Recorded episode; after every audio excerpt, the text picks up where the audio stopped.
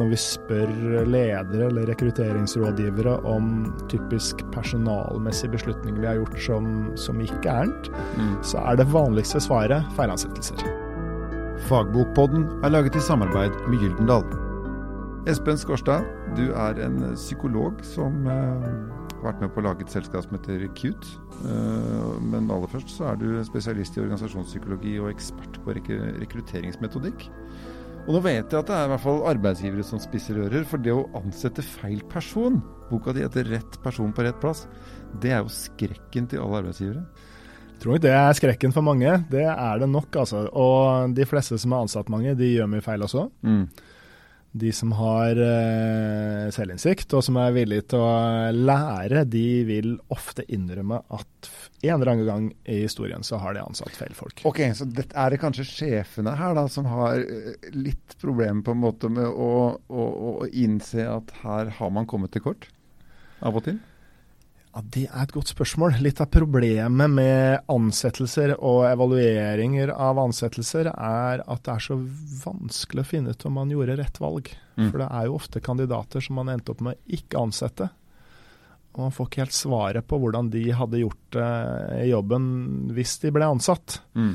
Sånn at de gangene hvor folk innrømmer at de har ansatt feil, så er det stort sett fordi de har ansatt noen som har gjort noe gærent i etterkant. Ja, ikke sant. Ja. Det er den aktuelle kandidaten som faktisk har vist at dette funka ikke. Og gjerne gjort seg litt ordentlig bort, altså. Sånn at vi, vi, ser også at når vi spør ledere eller rekrutteringsrådgivere om typisk personalmessige beslutninger de har gjort som, som gikk gærent, mm. så er det vanligste svaret feilansettelser. Okay. Det første de sier er at det, eh, typisk at den største feilen de har begått som leder eller rekrutteringsrådgiver, er at de ansatte en eller annen person som var feil. Mm. Og den andre feilen var at de ikke agerte på det. Altså at de lot det gå for lang tid før de gjorde noe med det. Akkurat. Ja, Men det er kanskje vanskelig òg. Altså, man har sittet der med en kandidat, man har på en måte faktisk ment at dette var det beste, og så viser det seg at det ikke var det. Det er jo vondt både for kandidaten, men også for den som har ansatt, og på en måte må ta et ansvar for å ha gjort denne feilen. Det er jo ingen som har lyst på den prosessen. Ingen har lyst på den prosessen, og det er vanskelig. Og det vi ser i praksis, er at i hvert fall ingen tar den beslutningen i løpet av den prøvetida som vi har i Norge, som er på seks måneder. Sånn mm. at det er veldig sjeldent at noen hva skal si, eh, erkjenner eller innrømmer at det, at det gikk gærent i løpet av den korte tiden. også. Ja, gjerne sånn. Når du har oppgaver som ingen mennesker har lyst til å ta, så blir det gjerne stående. Det er helt riktig. helt riktig. Men du, hva... Eh, når du skriver boken 'Rett mann', eller ikke 'Rett mann', 'Rett person på rett plass', viktig nå, eh, kom jo først i 2008. Og så eh, ser jeg noe som jeg syns er litt artig, dette er jo en andre utgave, eh, med et nytt kapittel som handler om intelligens i arbeidslivet. Jeg går for at Det hadde vi vel i 2008 også, men hva, hva betyr det i ny kontekst?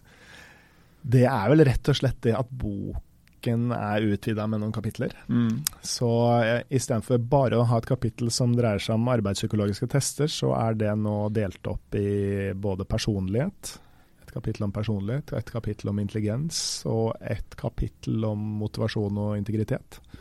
I tillegg så er det lagt et uh, etikkapittel, så sånn innholdsmessig så er det ganske mye mer i tillegg. Mm. Um, intelligens er jo et utrolig spennende tema. Det er jo litt kontroversielt også. Uh, og vi har ikke en veldig sterk tradisjon for å se på evner og ferdigheter i ansettelsessammenheng i Norge. Hvorfor ikke det, tror du? Nei, Det handler vel om at um, målemetoden uh, som vi bruker, altså arbeidspsykologiske tester, de beskriver jo kandidatene som enten holdt på å si, gode eller mindre gode på et gitt område. Mm. Og av en eller annen pussig grunn så er det opplever nok mange arbeidsgivere at det er mer greit å si at en persons personlighet, om du vil, da, ikke var full match med, med stillingskravene, enn å si det at en, hva skal si, evnenivået ikke var på stell. Mm. Uh, og Det kan jo høres litt brutalt ut, men det det i praksis handler om, kan jo være f.eks. Altså, la oss si at du skal ha tak i en uh, regnskapsansvarlig. så kan man, man kan jo spørre personen om, om, de er gode på tall og om de er gode på å gjøre arbeidsoppgavene, men en alternativ metode er jo da å la personen få løse noen uh, numeriske oppgaver for å se hvordan dette faktisk uh, foregår i praksis. Mm. For det kan være en mismatch mellom uh, selvinnsikt på et gitt område og hva personen faktisk gjør på ja. jobben. Ja. Hvordan den selv presenterer seg kontra hva man egentlig kan. Ja. Det er noe med det. men allikevel så, hvis, hvis, vi kaster blikket litt frem, så er det mange som nå peker på at eh, i arbeidslivet fremover så er personlige egenskaper kanskje viktigere enn nødvendigvis fagkunnskap, fordi ting endrer seg så fort. Altså systemkunnskap, f.eks. Si å ja, du må kunne Excel. Ja vel, greit. Så kommer det plutselig et nytt system. Så er det plutselig ikke hvor god du er i Excel som teller, men hvor god du er til å tilpasse deg nye ting. Nettopp. Eh, Merker du det? Vi har nok det? gått fra en ganske sånn klar tradisjon til å se mye på hva skal si, det som kan uttrykkes på en CV, da, mm. til å legge vel så mye vekt på det som ikke kommer til uttrykk på en CV. Og Da er vi inne på det du snakker om nå, nemlig personlige egenskaper. Og Da snakker vi gjerne om uh, hva er motivasjonen til personen, hva slags personlighet dreier det seg om, eh, hva slags ferdigheter har personen, og en del sånne ting. Og grunnen til at uh, dette med evner og ferdigheter ofte betraktes som viktig, som vi var inne på nå nettopp, det handler jo om at de som hva skal en si, kommer uh, godt ut på den type tester f.eks., de har en tilbøyelighet til å lære fortere. Ja. Sånn at de tilegner seg ny kunnskap raskere. De er der rett og slett fordi de lærer kjapt? Ikke noe mensattest, men, men vi vil gjerne at personen skal kunne lære de oppgavene som trengs i en ny jobb. Ja. For det er trenger man nesten i alle typer jobber, egentlig. tror jeg. Ja, for det er jo en, sånn, en av de nye liksom, håper eh, å si, uh, setningene i arbeidslivet er jo livslang læring. Altså at uh, du, ikke, du, kan ikke utdanne deg, og så er du på en måte ferdig med det. Og så kan du bare jobbe et liv og gå av med pensjon. Altså Det kommer til å skje ting underveis.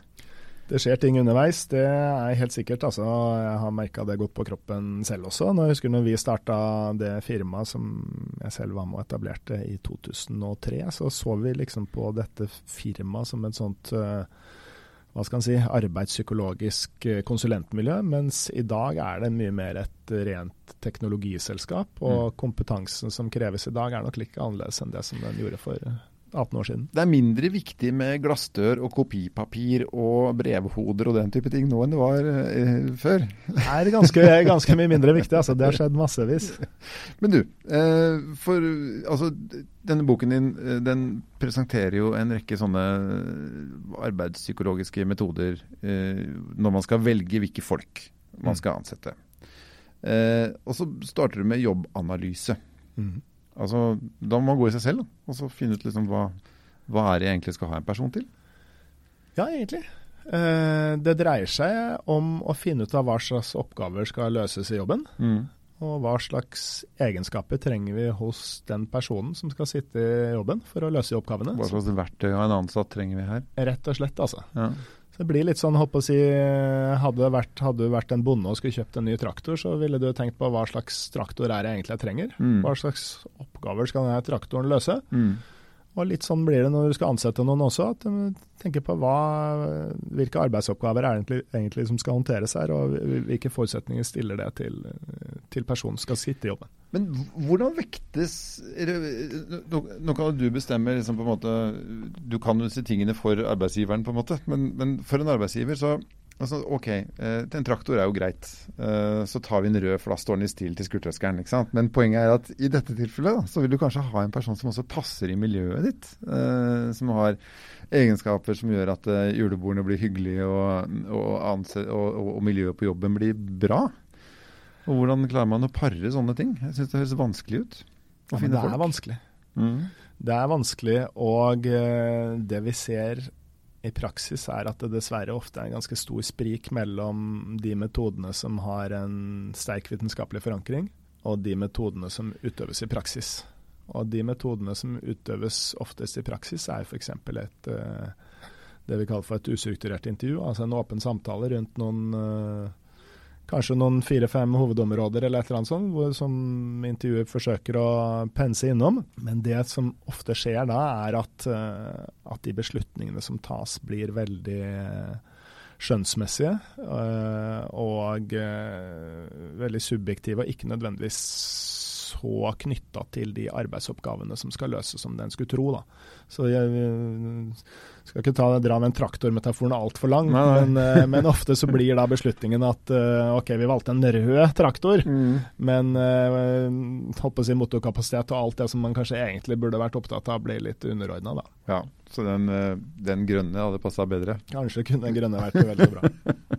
men ansettelsesintervjuet er jo en, en, stor del av det å ansette noen. men er det ikke der man skal håpe si nå sier du at man må være strukturert der og sånn. Jeg trodde det var der man skulle finne på en måte ut om kjemien stemte, og om det var liksom sånn psykisk sett rette personen, da. Ja, og det er vel kanskje det ansettelsesintervjuet er best egnet til også. Å finne ut om det er en match eller en kjemi mellom den som gjennomfører intervjuet og den som sitter på andre siden av bordet. Det som er litt tankevekkende, er at uh, der hvor vi ser at det er størst match, er hvor det er størst likhet mellom intervjuer og kandidat. Vi liker oss selv.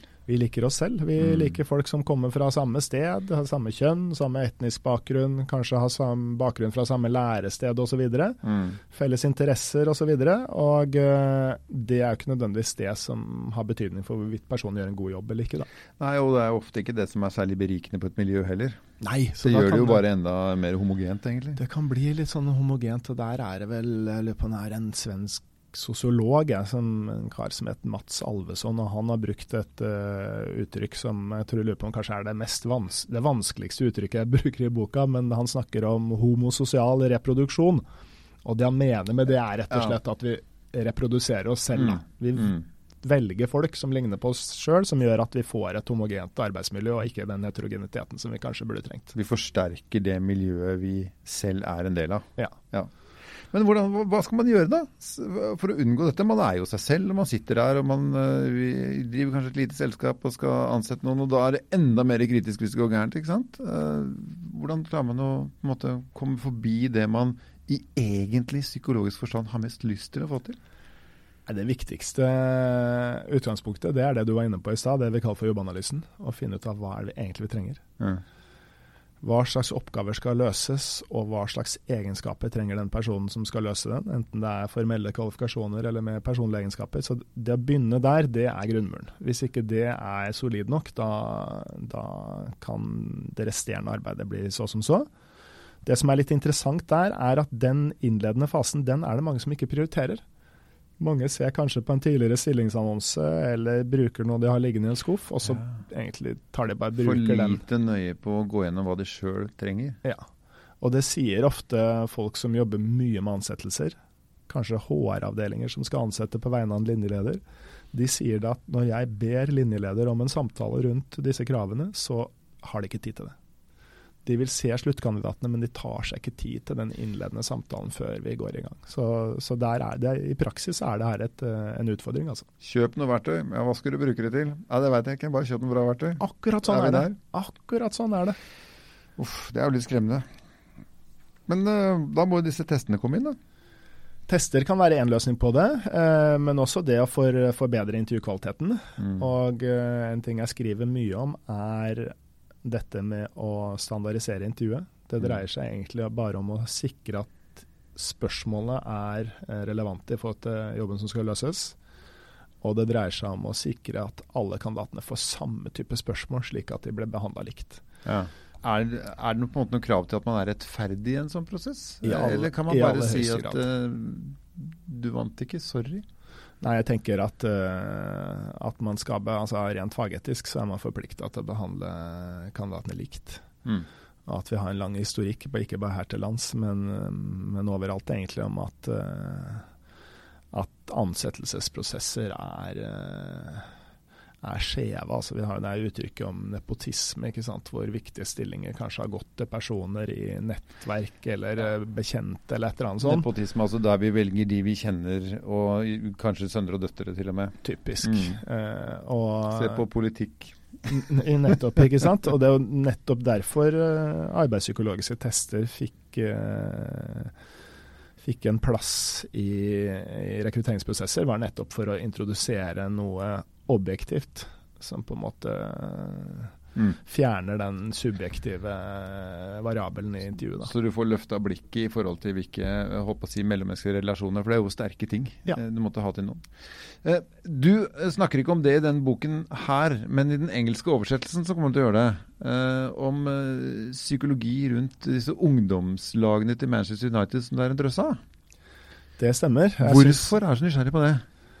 Jeg syns jo egentlig at det her med å se på talenter eh, generelt sett er, er, spennende. Å se på hvilke psykologiske variabler er det som gjør at noen lykkes i en stilling eller ikke. da.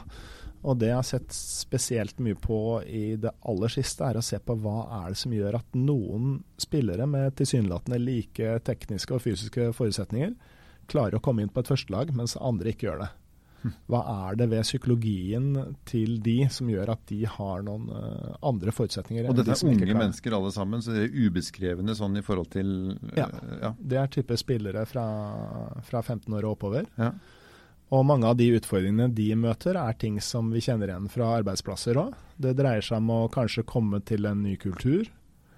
Møte en ny leder. Eh, nye lagspillere, altså nye folk å jobbe sammen med. Mm. Eh, masse, masse kulturelle ting. Eh, hvordan, hvordan, håndterer man feil på jobben? Eller eh, hvordan håndterer man suksess? Hvis man lykkes veldig mye, f.eks. en gitt rolle. Hvordan, uh, hva skal man si, Nå har jeg bodd noen år i Østfold, og der sier har man det uttrykket at man kan bli litt stor på den. Ja. Hvordan, hvordan, håndterer uh, spilleren eller den nyansatte det å gjøre det bra, liksom? Altså, mm. Eller versus motgang. Hva, hva, skjer om man uh, blir satt på benken i noen kamper. Hvordan reagerer man på det? Har man en moden reaksjon til det, eller, eller blir det bare kjefting og smelling? Så det er, det er, det er mye av psykologien på, på, det nivået der som er overførbart faktisk til arbeidslivet generelt også. Espen Skårstad, eh, boka di 'Rett person på rett plass' eh, er jo da selvfølgelig rettet mot eh, eh folk som skal ansette noen, primært. Men eh, hva med folk som skal ansettes da? Denne sneak-peeken på baksiden av det systemet du eh, møter på andre siden av bordet?